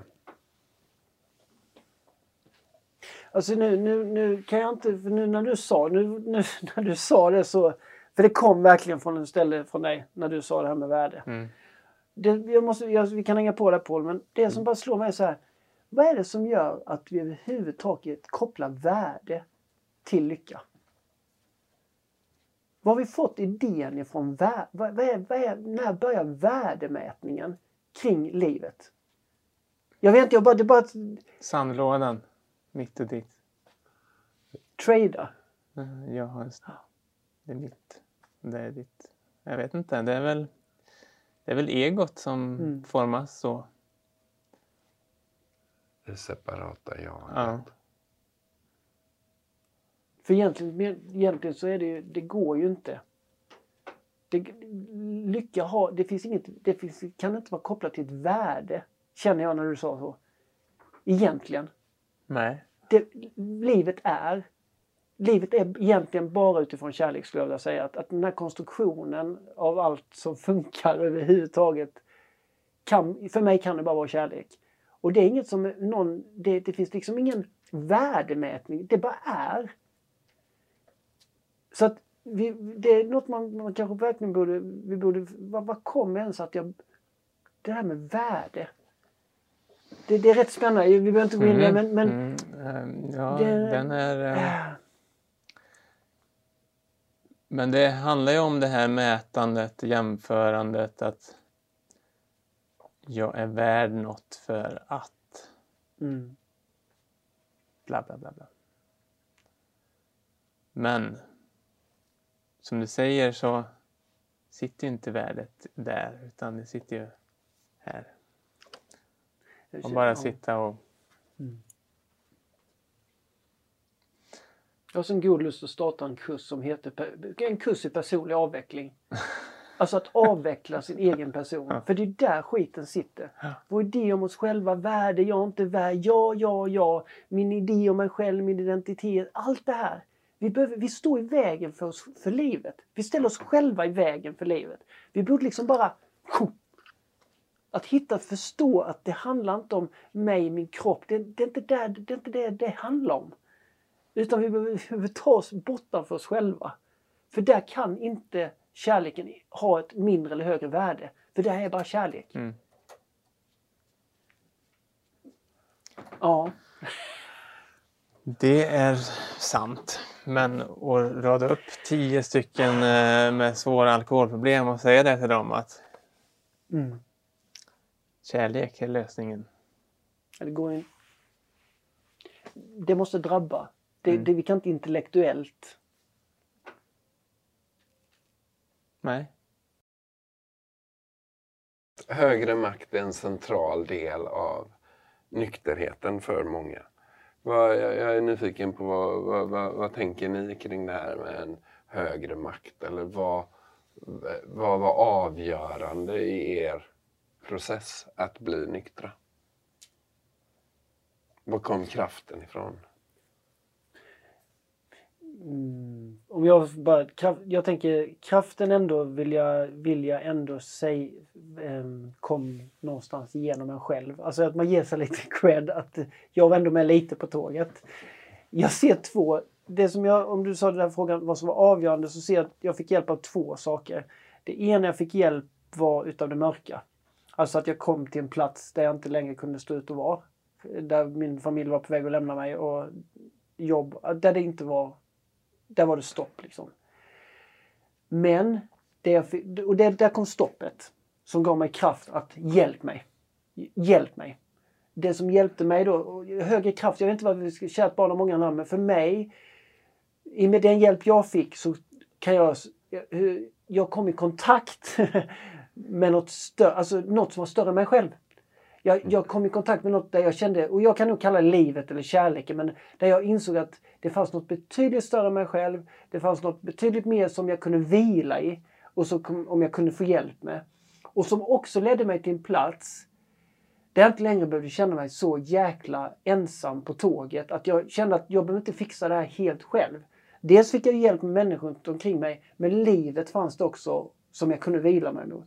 Och om du då säger högre makt så då kan jag säga att ja, det skulle det också kunna heta då. Och hade någon sagt detta till mig för 12-13 år sedan så hade jag sagt stäng av det här programmet nu eller podden för det, det vad är detta för jädra flum? Men jag kan bara säga utifrån min egna sanning och det är något jag lever med varenda dag.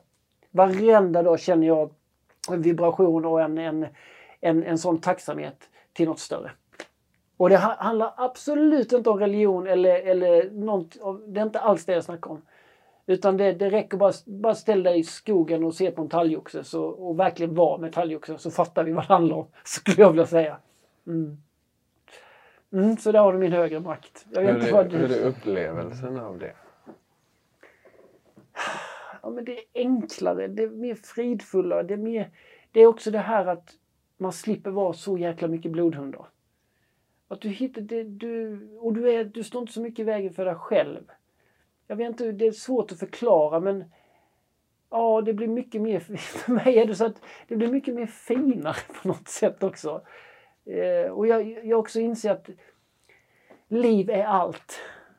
Oavsett om det är en talgoxe, om det är ett grässtrå, om det är ett träd, om det är du, det är jag.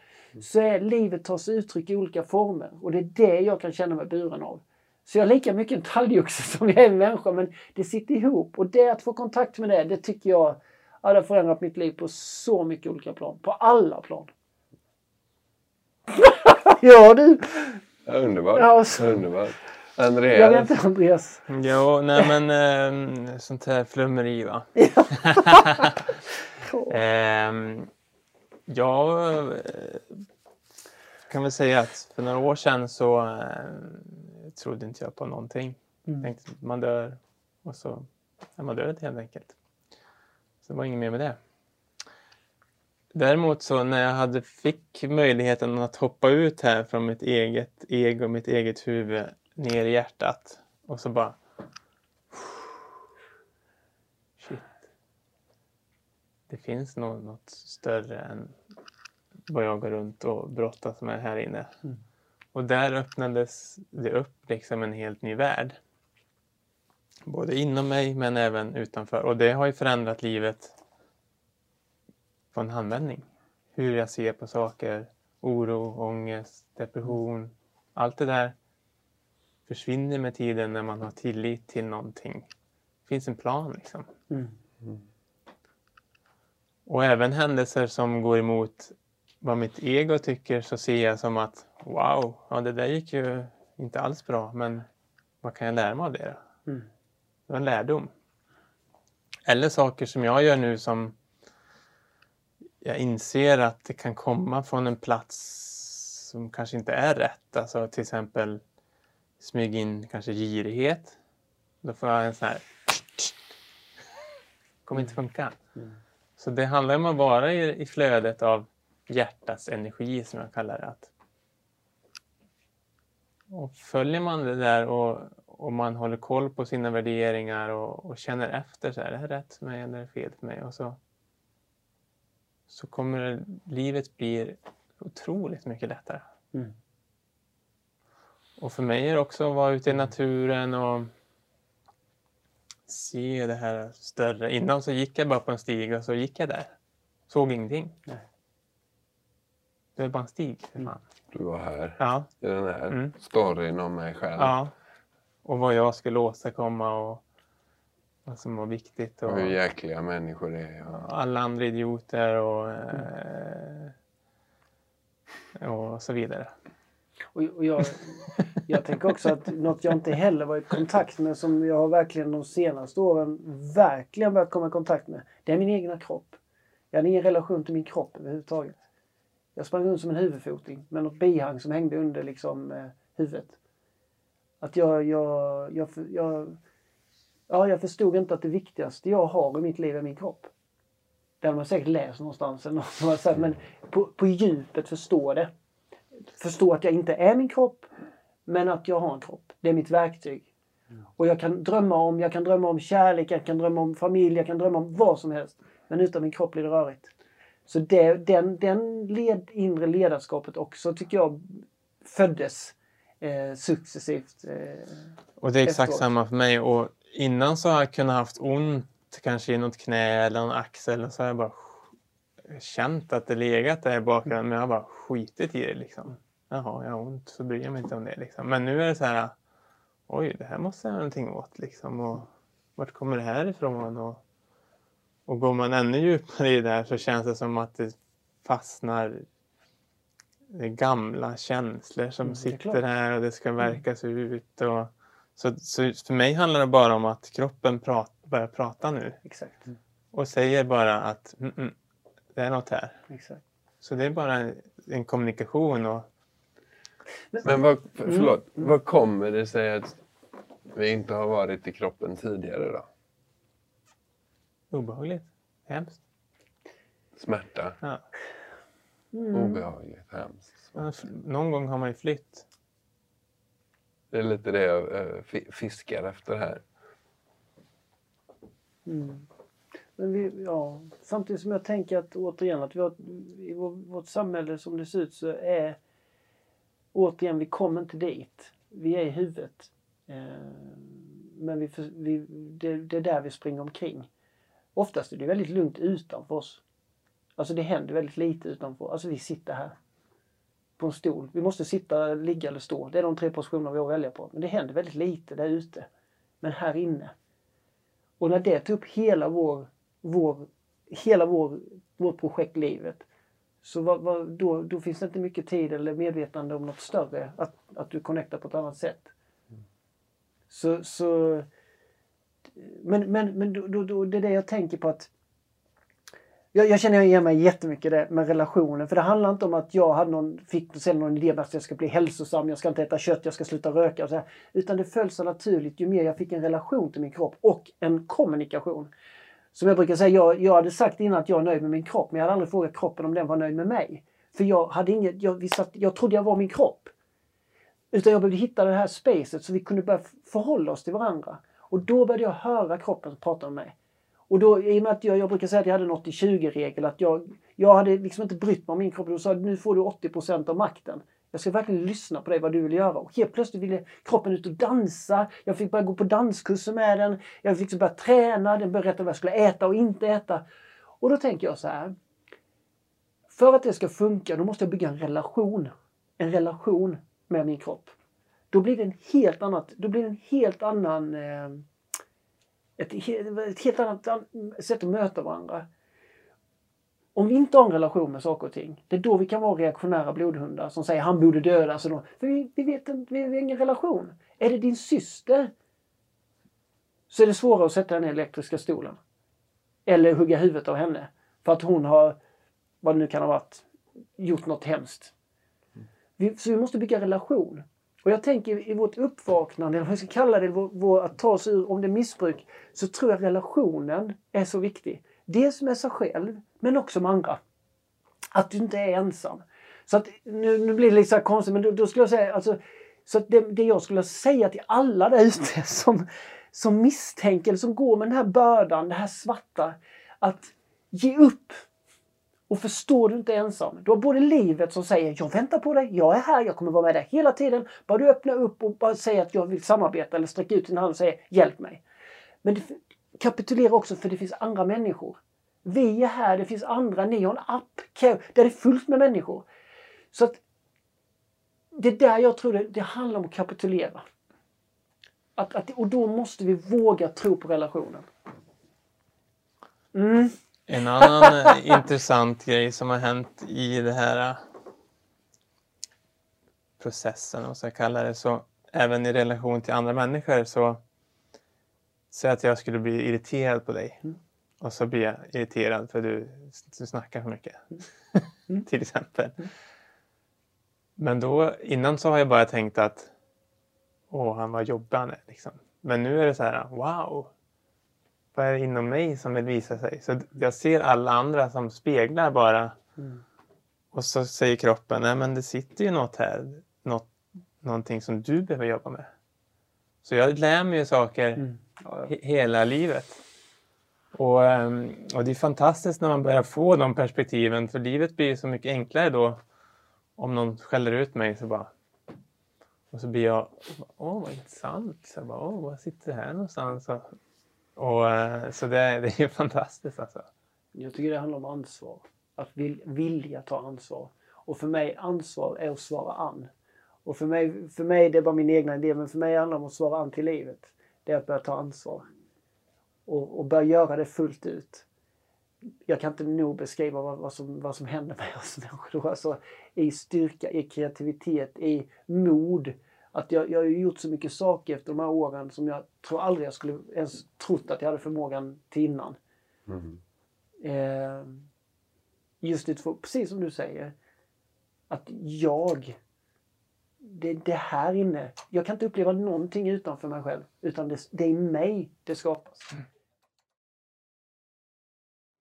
Okej okay, grabbar, vad, vad, vad säger vi till den som sitter där hemma med en anhörig, någon de håller av som, som dricker lite för mycket. Vad, hur bemöta, hur hantera det här eller några råd eller några tips? Mm. Speciellt att ta den sidan. Mm. Det, det känns också när man ska gå över på den sidan. Ehm. Alltså det, det första, vet du det första som kommer till mig? Det är faktiskt att ta hand om dig. Ta hand om sig själv. Ja. Att vi har pratat innan här liksom om vikten av livet, det större tacksamhet. Och jag tänker att som anhörig måste du också komma till den frågan, vad är värt och vad är inte värt? Ehm. Och kanske också ah, ge upp. Eller, jag, jag vet inte vad jag ska säga om jag ska säga ge upp men någon slags insikt att du kanske inte kan förändra den här människan. Antagligen kan vi inte förändra någon annan människa. Ehm, men att vara rädd om sig också. Jag vet, det är inte mycket till stöd för den som är i problematiken men jag vill med all respekt också ge det till de vid sidan om. Och det kan vara så, som det var i mitt fall, att om den anhörige kommer till en punkt där den börjar kunna sätta sina gränser så kan det också hjälpa mig att våga öppna upp mina. Är du med på tanken? Mm. Ja. Att det kanske kan vara en vacker gåva att ge. Och om inte annat, om personen i fråga väljer att inte ändra sitt beteende och ta itu med sitt missbruk så ger det i alla fall chansen för den anhöriga och kanske barn att börja leva ett, ett mer hälsosamt liv för dem och för deras framtid. Usch vad det är jobbigt. Jag känner, men Ja, det där slog an jättebra hos Ah. mig och, och jag, tror att, jag tror att det finns en, en profil eller ett, ett väldigt vanlig, en vanlig roll som spelas vid sidan av Mm. missbrukare. Av välmenande, själv, självutplånande, omhändertagande människor som just missar den poängen du tryckte på där. Och en sak till. Vågar du prata om det också? Tar du också hjälp med vänner, väninnor, vänner? Alltså att gå inte och bär hemligheten. Bli, bli, bevara inte du också konservera hemligheten utan du kan också hjäl, hjälpa till genom att öppna upp. Och det är kanske svårt att säga för att det beror på lite hur relationen är med den som har problem, att det kan kännas hotfullt eller vad nu. Men, men jag, jag, det också ingår i paketet, ta hand om dig. Mm. Att bär det inte själv. Mm. Eh, Och känn inte skam eller, utan försök. Mm. Ja. Mm. Tack. Ja, jag tänkte lite grann på att våga prata med den som har problemet. Mm. Och framförallt om man kan bortse lite grann från alkoholen som då kanske är det som är det uppenbara. Men vad är det som ligger där under då?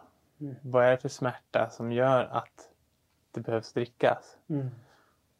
Och på något sätt, för då kanske det inte blir lika hotfullt just med själva alkoholen, men vad är grundproblemet egentligen? Mm. Mm, det slog an till en av våra grundteser i arbetet vi gör här. Inspirerat av Gabor Mate.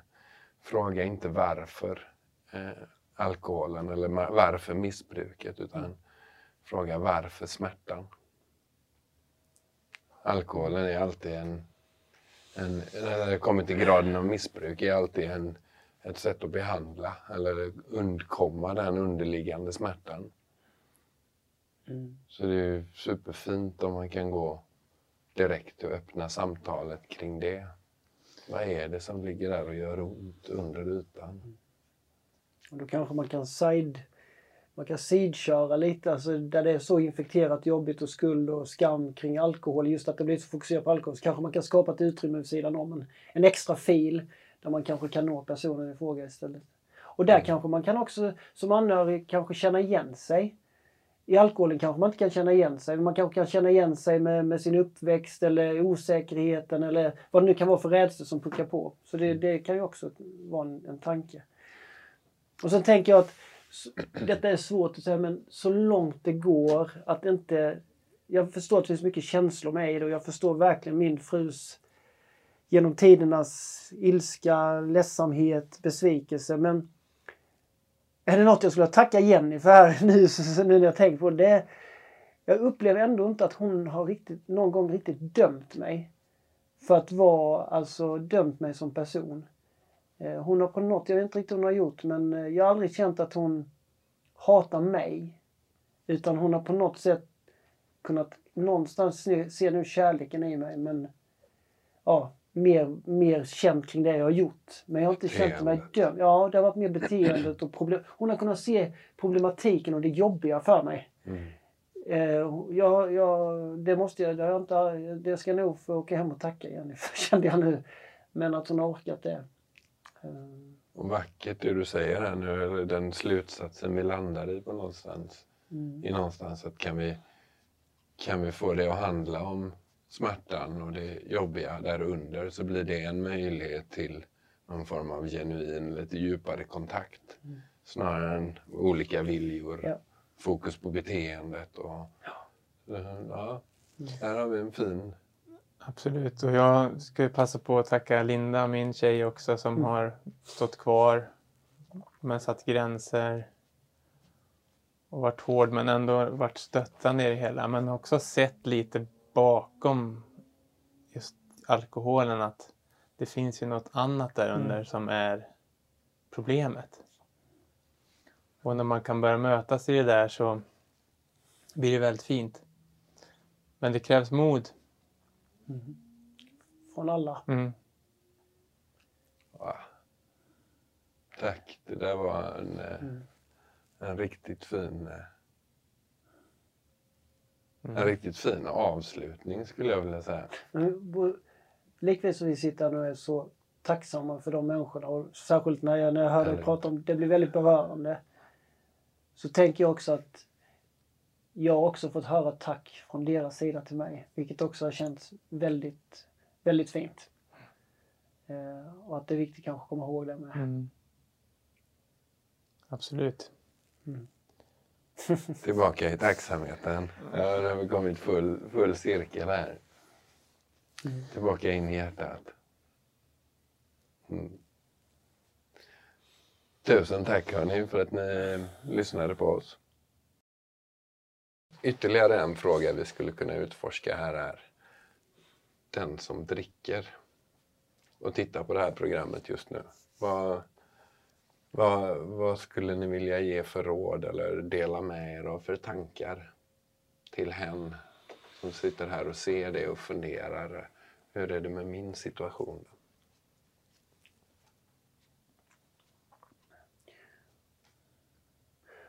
Om det händer det du säger nu, att det finns någon som tittar på det här och tar till sig någonting av det vi säger. Då tänker jag att då skulle jag vilja omfamna den personen och säga grattis. För då har du gjort det första genombrottet som är kanske det viktigaste av allt. Att bli medveten och förstå att detta kanske även handlar om dig.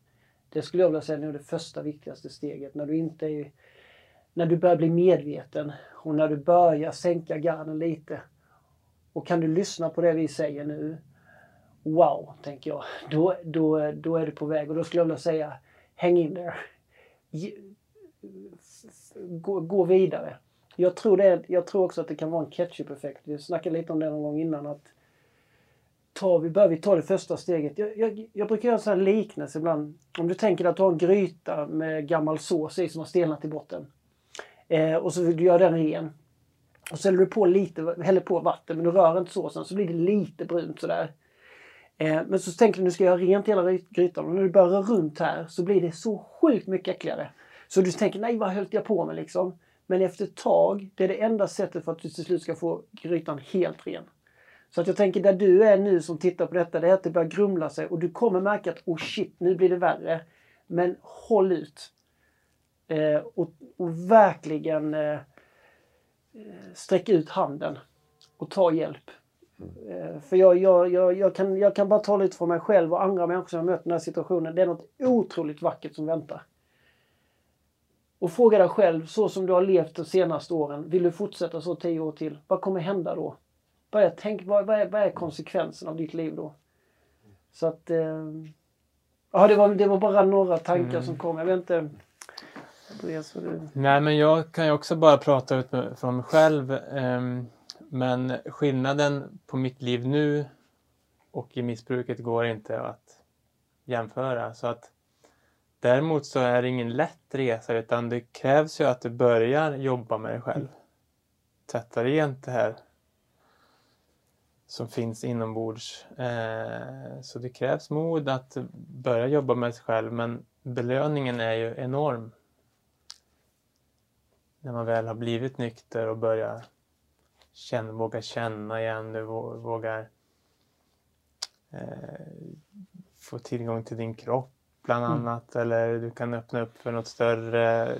Alltså allting blir lättare liksom.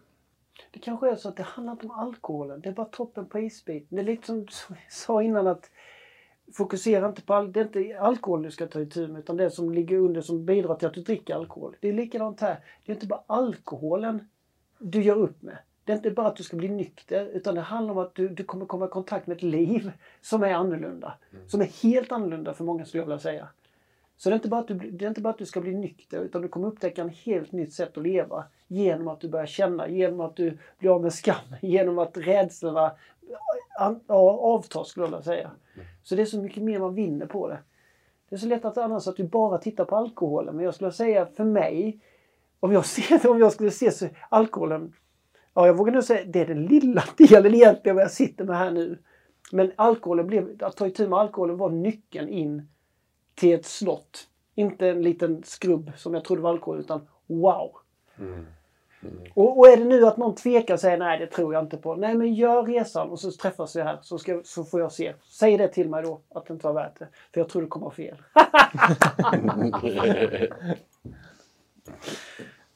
Mm. Så Okej, det var en utmaning där. Ja. lite. Gör resan, ses vi på andra sidan. Mm. Och vi finns här. Mm. Ni finns här. Mm. Det är många Absolut. som finns här. Mm. Yes. Grymt. Tusen tack Micke för att du eh, delar med dig av dina klokskaper här. Tack själva för att jag får möjligheten verkligen. Mm.